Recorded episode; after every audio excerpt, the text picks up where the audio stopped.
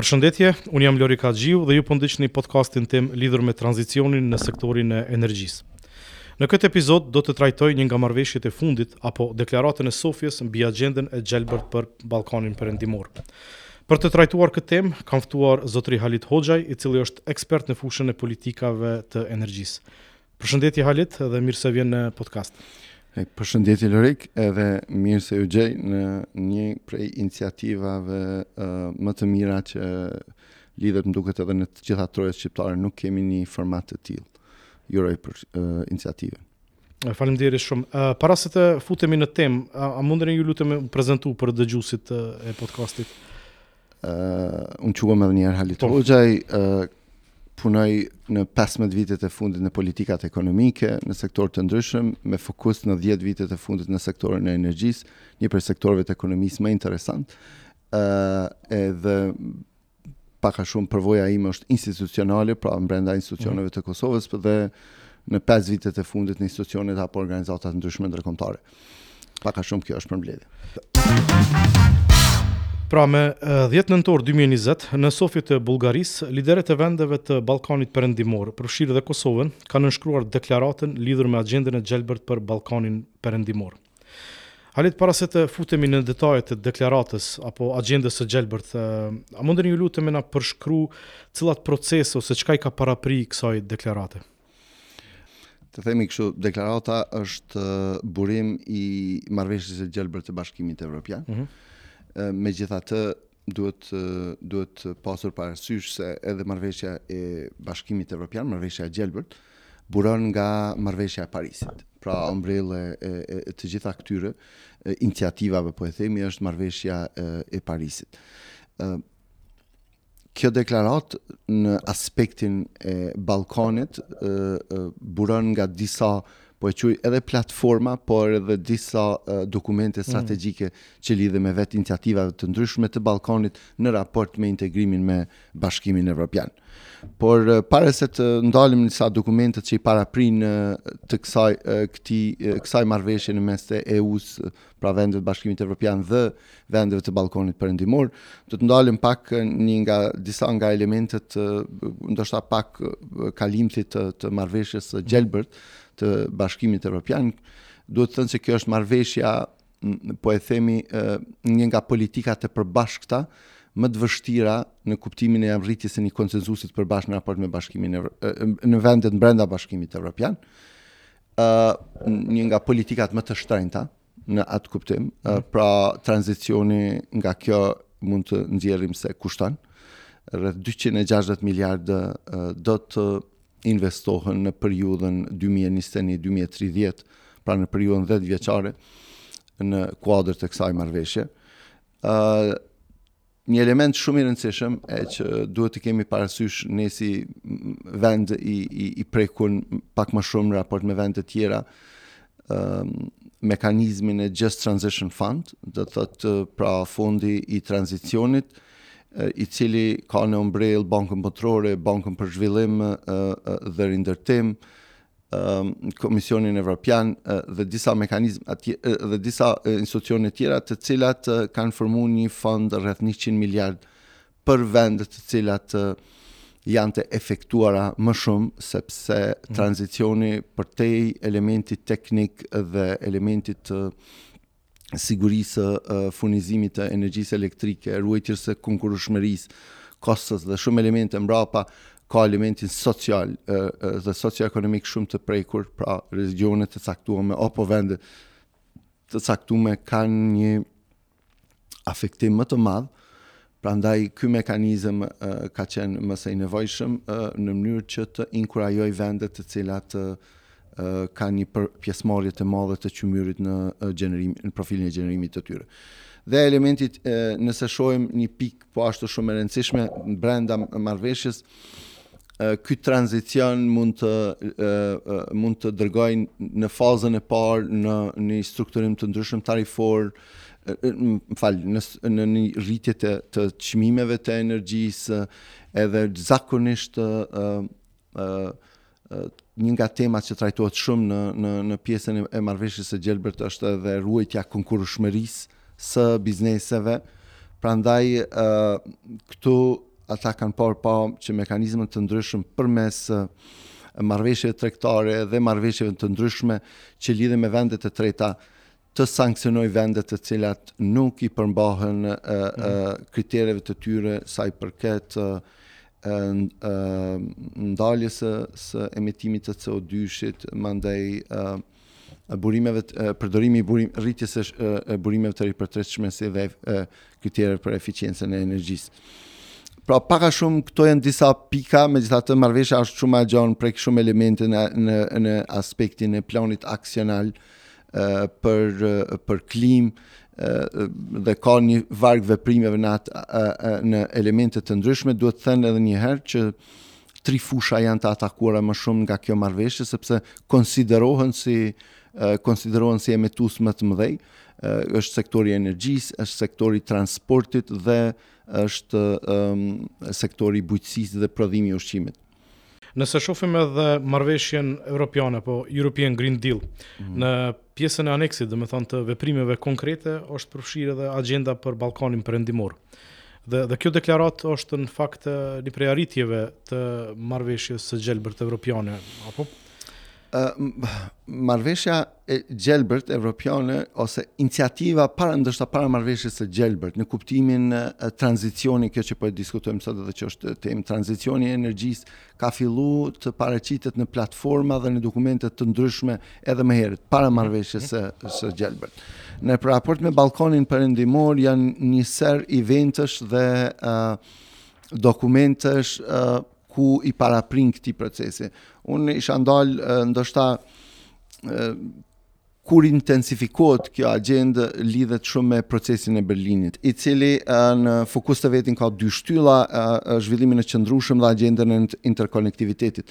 Në kuadër të kësaj flas për sektorin e energjisë, meqenëse fokusi po. i gjitha këtyre tema për neve mbetet sektori i energjisë, në kuadër të kësaj është është intensifiku Qëllimi i investimet infrastrukturore që ndikojnë në projekte të përbashkëta mes dy mhm. vendeve, zakonisht me rrjetin e, e, e me investimet në transmision, mandej qëllimi i element tjetër ka qenë ka qenë themelimi i i i bursave të energjisë mhm. dhe bashkimi i tyre në një treg më vonë i cili do të kulmonte me tregun atë që quhet tregu regjional, integrimi i tregut regjional, Elementi tjetër kanë qenë po ashtu vendosja në prioritet të iniciativave për eficiencën e energjisë. Pra, këto këto deklarata në vazhdimësi përgjatë procesit të Berlinit janë vë në në mm -hmm. kanë qenë si deklarata përfundimtare dhe kanë qenë një një udhërrëfyes për gjitha vendet e Ballkanit Perëndimor. Mandej është platforma e dytë është Këshilli i Bashkëpunimit Regional, RCC-ja, e cila po ashtu në platformën e vet i ka pas të gjitha të gjitha të gjitha këto iniciativa do të thotë në raport me agjendën e integrimit evropian të vendeve të Ballkanit Perëndimor. Mm -hmm. Një element shumë i rëndësishëm edhe vetë kjo deklaratë i i referohet është në takimi i Podgoricës, mendoj që mm, aty ky takim ka vendos po ashtu një agjendë më agresive të vendeve, një zotim të vendeve të Ballkanit Perëndimor në raport me ë uh, uh, targete të reja për për burimet e, e energjisë, burimet e ripërtritshme, eficiencës si dhe reduktimit të e, e, emetimeve të gasave në serë. Pra këto kanë qenë e, tri elementet kryesore dhe elementi tjetër është që të vendoset një e, e, kornizë e planit aksional të përbashkët për t'iu kundërpërgjigjur ndryshimeve klimatike dhe efekteve të tyre. Pra e, dhe gjitha këto dokumente i shohim edhe në preambulen ta quajmë të këtij dokumenti që është e, aprovu në Sofje. Mhm. Uh, po se uh, pas preambulës uh, kemi uh, deklaratën ku uh, liderët e Ballkanit Perëndimor japin mbështetjen e plotë për agjendën e Gjelbër dhe shprehin zotimin për implementimin e veprimeve në pesë shtyllat kryesore të deklaratës. Pra cilat janë ato pesë shtyllat kryesore të deklaratës? Ta themi se struktura e përmbajtjes së kësaj deklarate um, është pak a shumë edhe struktura e vetë marrëveshjes të mhm. gjelbër brenda Bashkimit Evropian. Uh, siç e thatë edhe ju, përfshin 5 shtylla.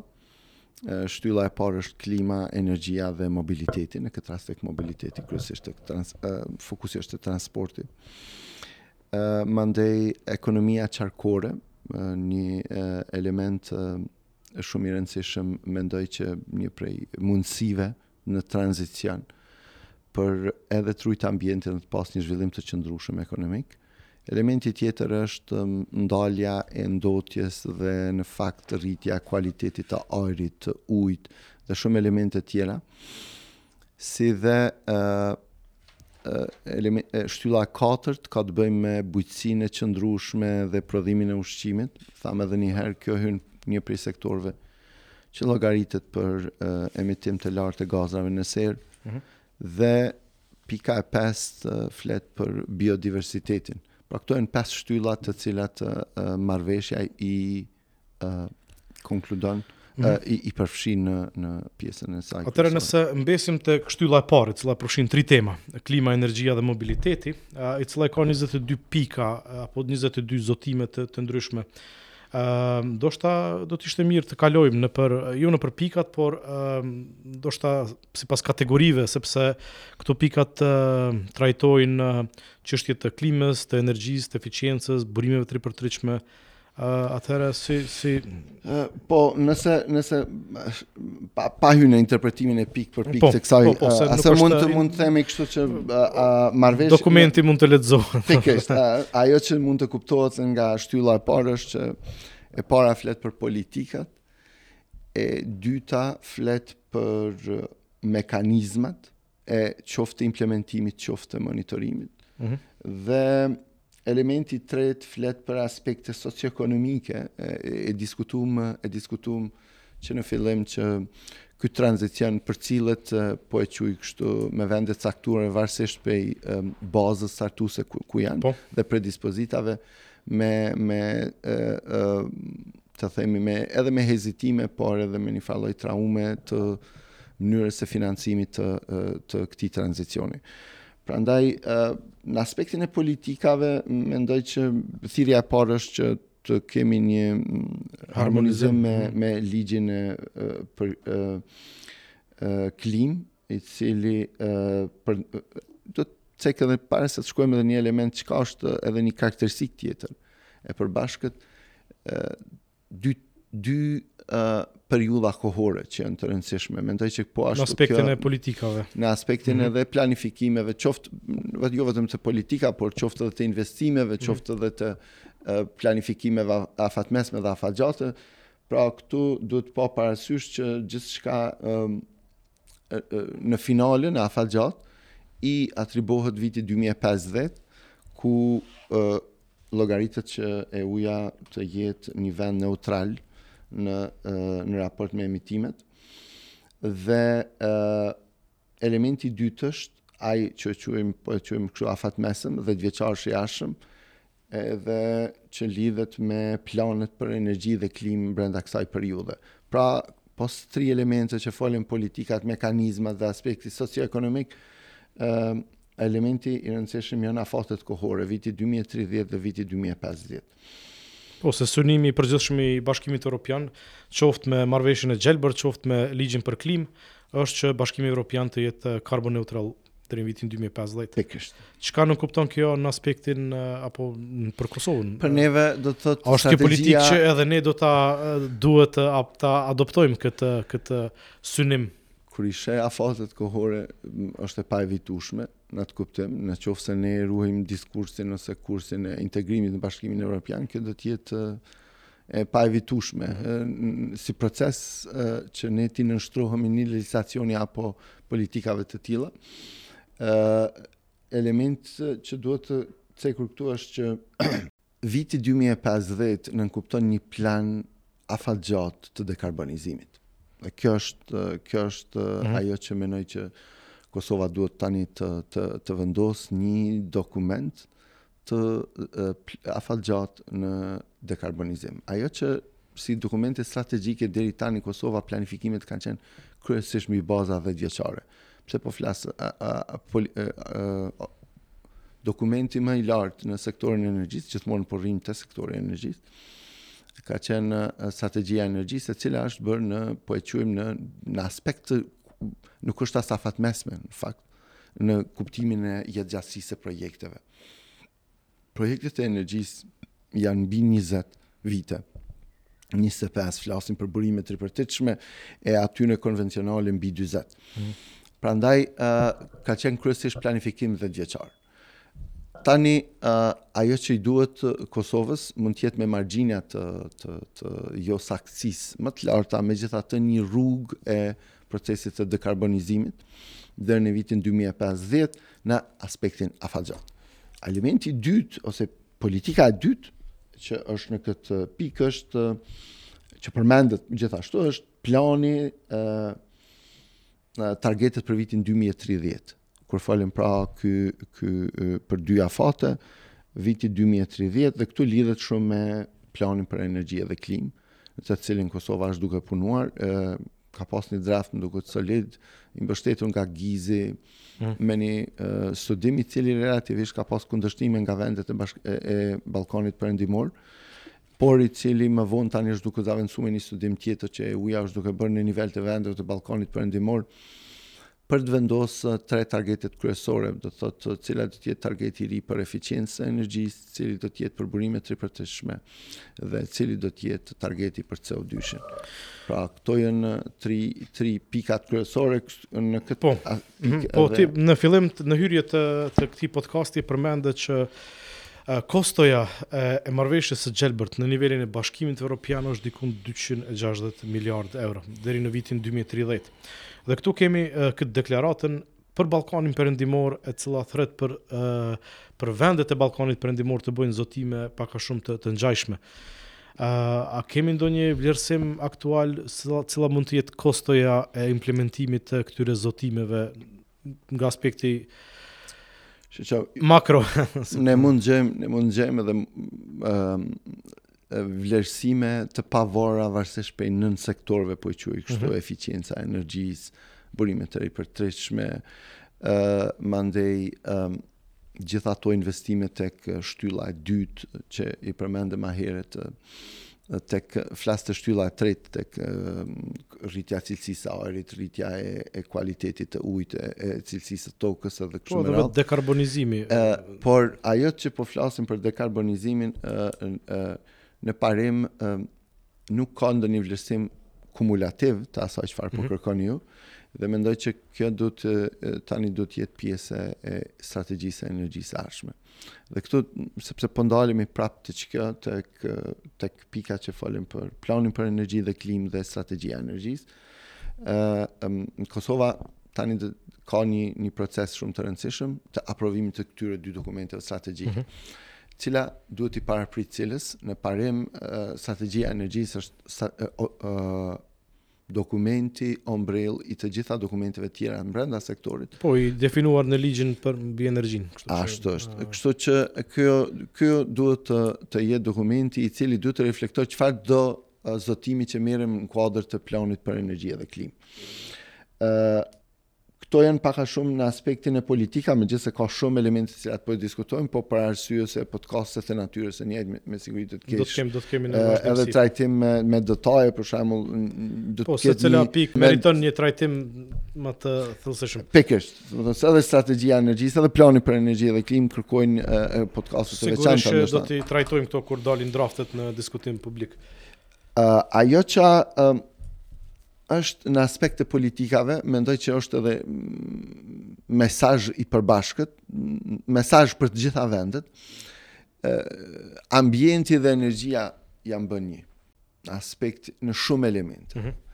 Edhe kjo ndoshta duhet të jetë një, një sugjerim për për qeverinë e ardhshme edhe ose për gjitha institucionet me menduar që në mënyrë që të kemi një koordinim të mirë ambienti dhe dhe energjia duhet të jenë dy sektorë që duhet të jenë brenda një umbrelle. Në rregull, atëherë mund të kalojmë tek mekanizmat për implementimin e këtyre zotimeve. Ë edhe vetë në dokument, flasim tash prap jemi te shtylla e parë, energjia, mobiliteti dhe klima, ë sa i përket energjisë dhe edhe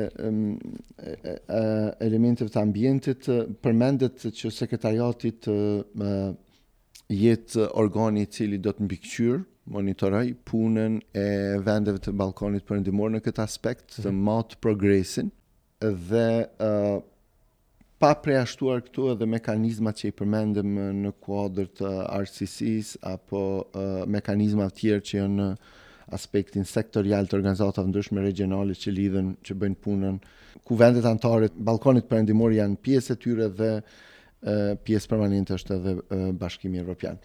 Ajo që që pra bie në sy pra është diskutohet për mekanizmin e emission trading scheme. Ëh. Mm -hmm. Ai para së gjithash për ta thjeshtësu sepse ne nuk kemi mrri te ajo pikë. Është me rëndësi që diskutu është që është në të ardhmen të afërt diskutohet për vendosjen e një çmimi të karbonit. Në situatën aktuale për ta thjeshtësu nënkupton rritje e çmimit të prodhuar të energjisë që ka përdor inten, do të thotë emeton intensitet karbonit të caktuar. Po që sidomos prek konsumatorët e Kosovës, pasi që një pjesë e konsiderueshme e gjenerimit aktualisht vjen nga nga qymyri dhe në periudhën afatmesme do të vazhdojë me me vazhdimin e operimit të Kosovës B deri në 2000 40-ën. Mendoj që të tash kjo tema e impaktit te konsumatori mund të, mund të hapet në shumë elemente, sepse mandej hynë ato masa tjera që si kundërpërgjigje, mhm. eficienca, mm -hmm. e energjisë, e shumë masa tjera. Megjithatë, ajo që, që duhet diskutu dhe që do të jetë shumë shpejt një nga temat që duhet diskutu në nivel të vendeve të Ballkanit Perëndimor, do të jetë fillimi i aplikimit të qmimeve të karbonit. Mm -hmm. Sekretariati i Energjisë ka bën një studim, nëse s'gaboj dhe studimi më duket që është përfundu, është në, ose të jetë në fazën finale, mbi një uh, alternativat e fillimit të aplikimit të qmimeve të karbonit. Kjo në një periudhë shumë të afërt është dukur që do të jetë relativisht larg ose të paktën uh, para 2030-s nuk do të ketë një një masë të tillë. Duket se është afru shumë dhe po vjen në shumë elemente.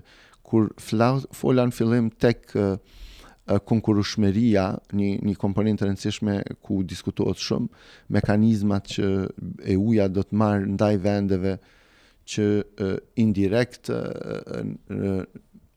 impaktin për shkak të kritereve klimatike, impakt kanë ndikim në konkurrueshmërinë e bizneseve të vendeve të Bashkimit Evropian.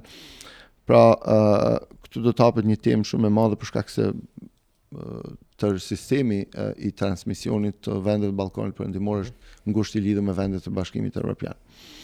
Prandaj mund të mendohen mekanizma të ndryshëm në qoftë se vendet e Ballkanit Perëndimor do të refuzojnë apo nuk do të fillojnë aplikimin e ndonjë masë të, të ngarkesës për CO2.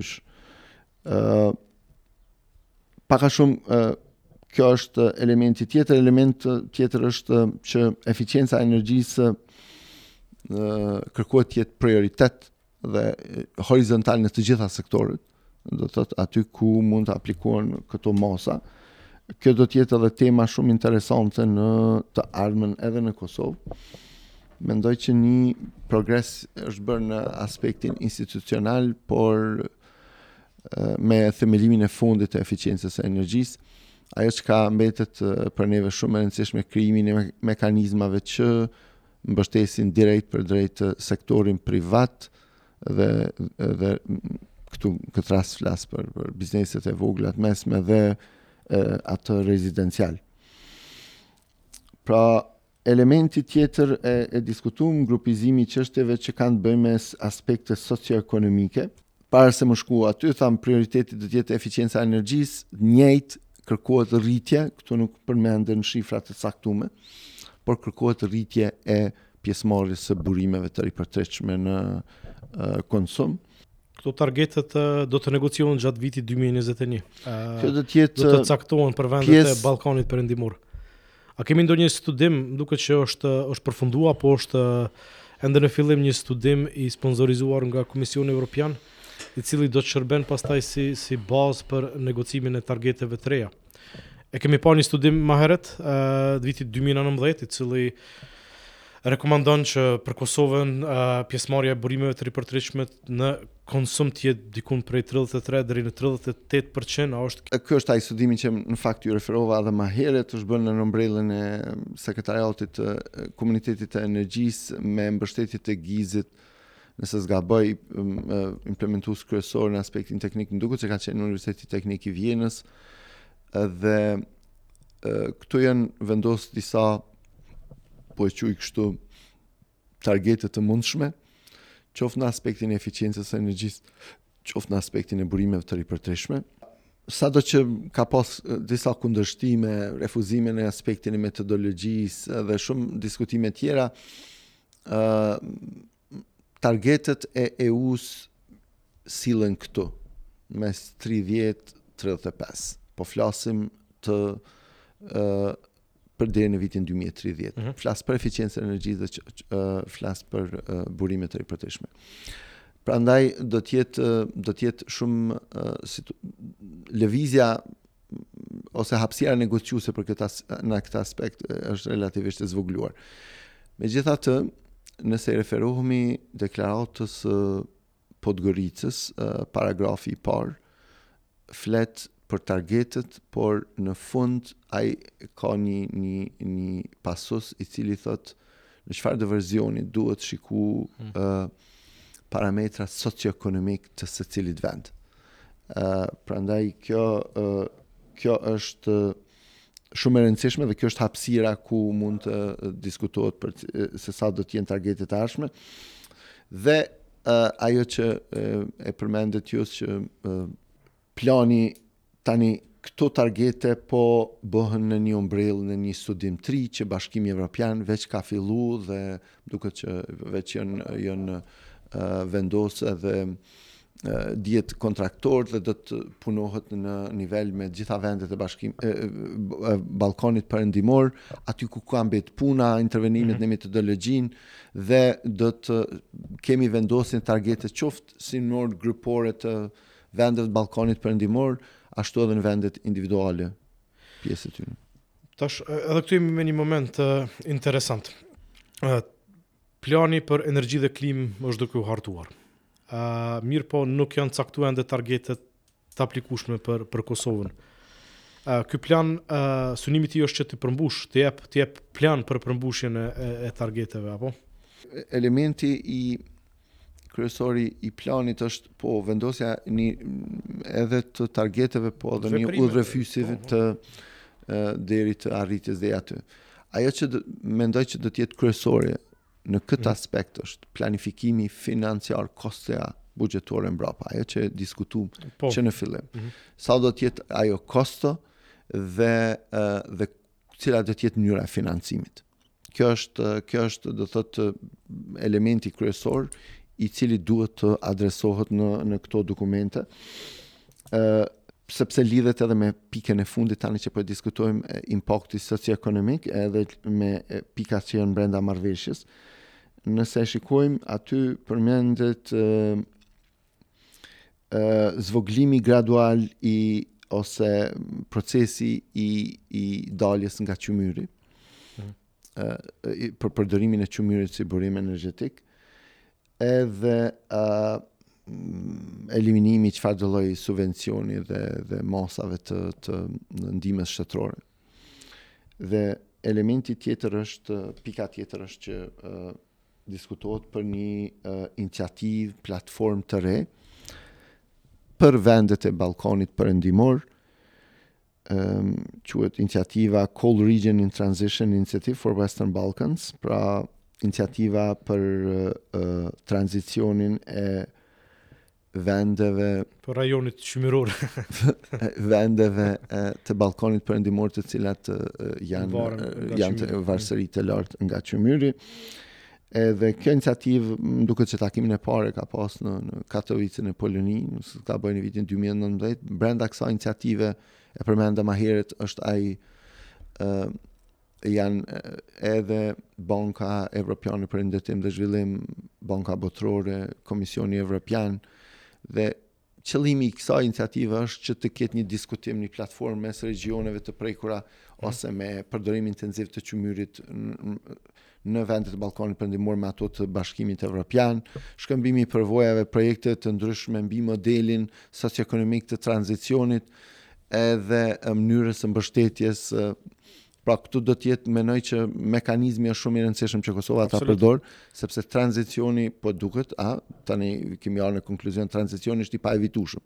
Absolut. Në shumë aspekte, prandaj ë uh, duhet shikuar se cilat janë mekanizmat për të përfituar atë që quajmë ai fondi uh, për tranzicion rreth 100 miliardë i dedikuar për 10 vitet e ardhshme.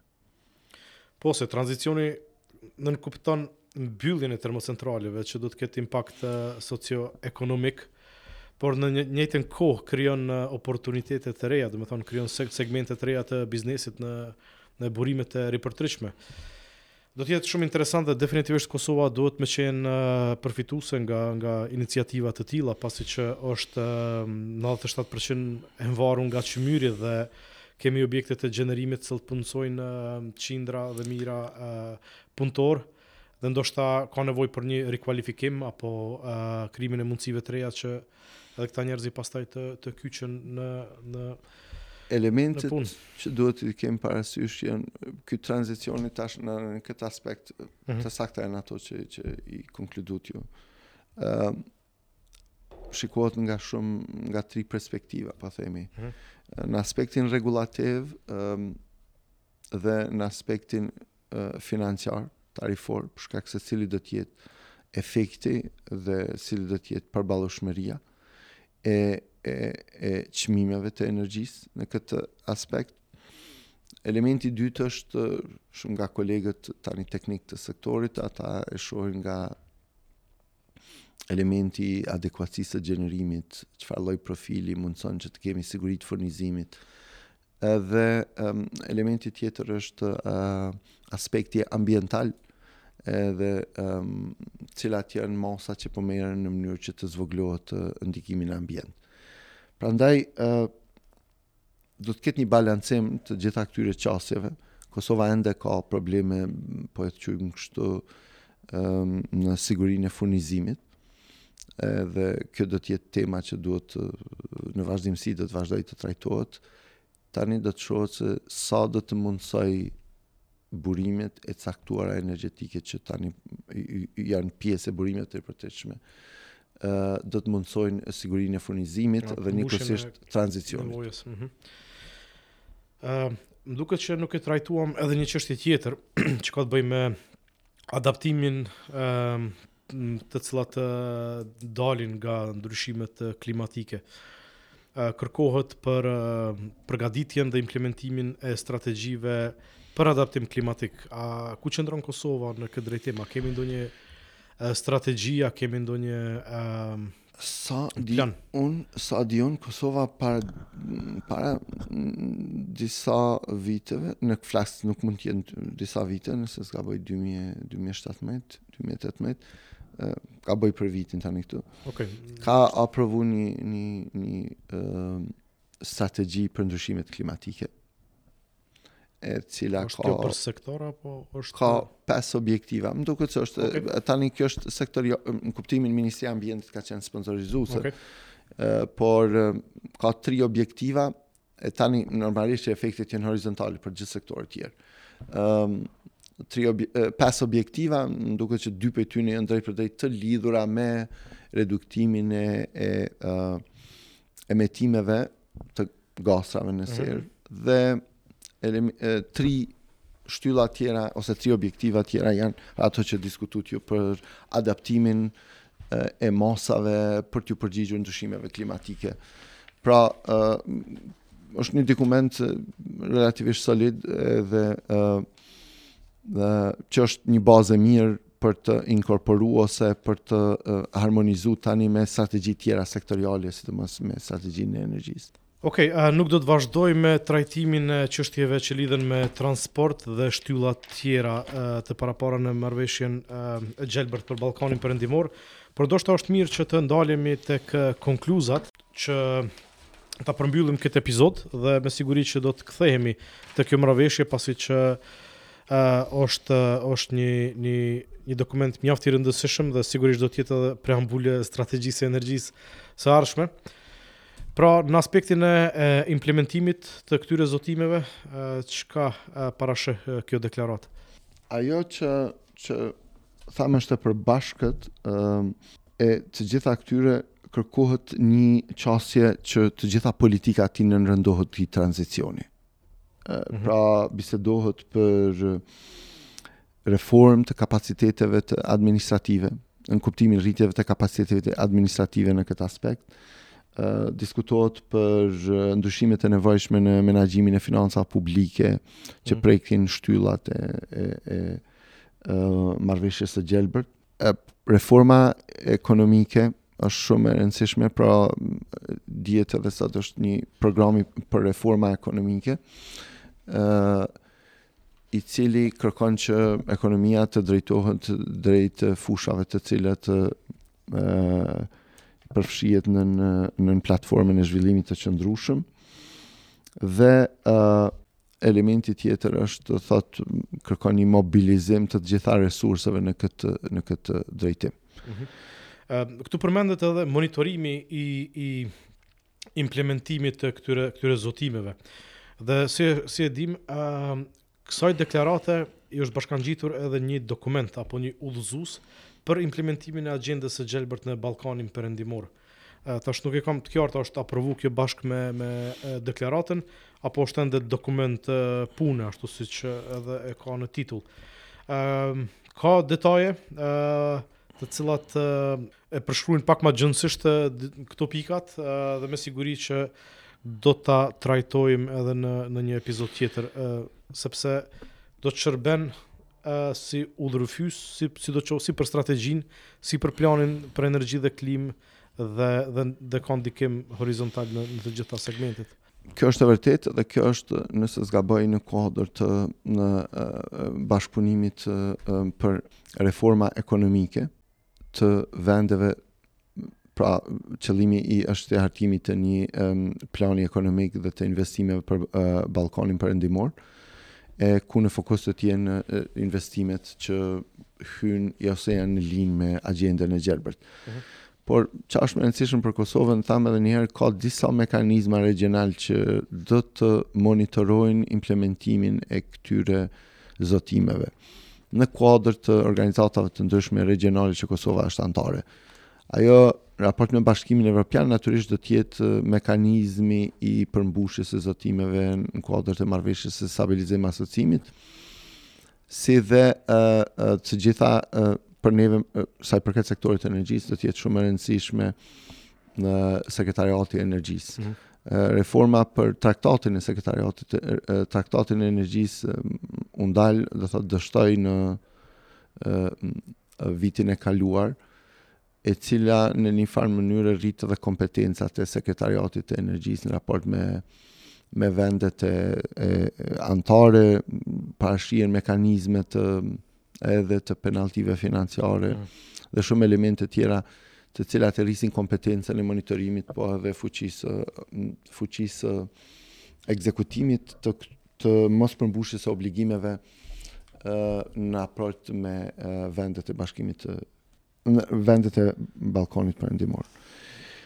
Uh, por ajo që unë e përmenda pak një element tjetër që pika e dytë, ndoshta si e përbashkët e këtyre e konkluzioni i përbashkët i, i, i kësaj deklarate, flasim për deklaratën e Sofjes, thotë um, rritja e kapaciteteve administrative dhe bëhet um, kërkohet një harmonizim më i mirë ndërinstitucional. Mm -hmm.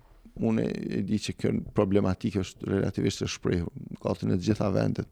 Shpeshherë institucionet e ndryshme ose ministritë operojnë si si oaza të pavarura dhe bashkëpunimi ndërinstitucional është nganjëherë i vështirë. Ë uh, prandaj meqenëse efektet e kësaj deklarate prekin shumë sektorë. Ë uh, përmendëm më herët energjinë, ambientin, bujqësinë, transportin, pra disa nga kryesoret, kërkohet një rritje të e bashkëpunimit ndërinstitucional, si dhe rritje e kapaciteteve në këtë fushë. Pra, ajo që mund po ashtu të konkludojmë mes rreshtave është që energjia dhe ambienti duhet të mbesin bashkë në aspektin sektorial në mënyrë që të kemi një koordinim më të lehtë të menaxhimit edhe të implementimit të ë zotimeve të marra nga deklarata e Sofjes. Dhe si konkluzion i përgjithshëm del nga kjo që del nga kjo deklaratë është që tranzicioni është i pashmangshëm. dhe ne duhet të adaptohemi në ndryshimet e politikave, në ndryshimet e planeve, në mënyrë që të jemi mendoj që në vi. mendoj që tani e, kemi një administratë po ashtu në Shtetet e Bashkuara të Amerikës, e cila ka vendosur hapa relativisht ose mm -hmm. targete relativisht agresive në këtë punë. Ka një harmonizim shumë më të mirë me Bashkimin Evropian. Ne jemi pjesë e Evropës dhe përderisa kemi një diskurs të anëtarësimit në Bashkimin Evropian, ne duhet të ndjekim këtë politikë. Megjithatë, kjo nuk nënkupton që flas edhe një herë përjashtimet karshi karakteristikave socioekonomike të vendit duhet në vazhdimësi të kërkohen. Do thotë jo të gjitha vendet Edhe ky është problemi, sepse këtu nuk shkruhen specifikat e vendeve dhe politika vlen për të gjitha vendet, megjithatë jo të gjitha vendet fillojnë nga baza e njëjtë. E përmende edhe ti disa herë, ne fillojmë nga ne po e fillojmë tranzicionin nga një bazë ku nëntëdhjetë e pesë për qind e energjisë prodhohet nga qymyri. Po, nëse krahason me Shqipërinë është krejt situatë e kundërt, kështu që Absolut. Jemi dy vende fqinje të cilat uh, jemi një në fakt, por pikënisja është absolut ndryshe. Edhe edhe nëse shihet pra në nivel Ballkani, Bosnja, Serbia dhe ne jemi në pozicion pak më të vështirë e ne sidomos më shumë se të gjitha të tjerat për shkak të um, uh, bazës ku startojmë edhe pjesëmarrjes së madhe të qymyrit në prodhimin e energjisë elektrike. Halit, unë vetëm mund të me u falënderu, uh, ishte një, një diskutim uh, mjaft i mirë. Uh, më duket që vetëm e kemi grithë sipërfaqen e, e tranzicionit të energjisë uh, dhe marrëveshja e Sofjes, apo deklarata e Sofjes është uh, një, një pikënisje e mirë uh, për uh, epizodat e ardhshme që shpresoj uh, të pranoni ftesën të jeni uh, prapë uh, musafir. Faleminderit Lorik. Në fakt nuk di as a kemi lënë ndonjë shenjë, se s'e di a kemi grith, qëlli, e, kemi shku relativisht telegrafikisht në nëpër pikat e e, e marrëveshjes, e, po e, edhe në mënyrë diplomatike nuk i kemi prek çka nënkupton efekti po, po final. Po, se nuk kemi lëshu shumë në detaje, e, pasi që... Pandaj, e, me gjithë qejf në, në pikat tema tjera në të ardhmen do t'i trajtojmë në mënyrë pak më detajume dhe t'i për t'i thjeshtësojmë në kuptimin e efektit të tyre. Edhe edhe t'i t'i përkthejmë në në çështje praktike për Kosovën. Domethënë cilat janë ndikimet e këtyre politikave në në projektet konkrete apo në plan planifikim qoftë afatmesëm apo edhe edhe edhe afatgjatë. Halit edhe njëherë, faleminderit për pjesëmarrje. Faleminderit.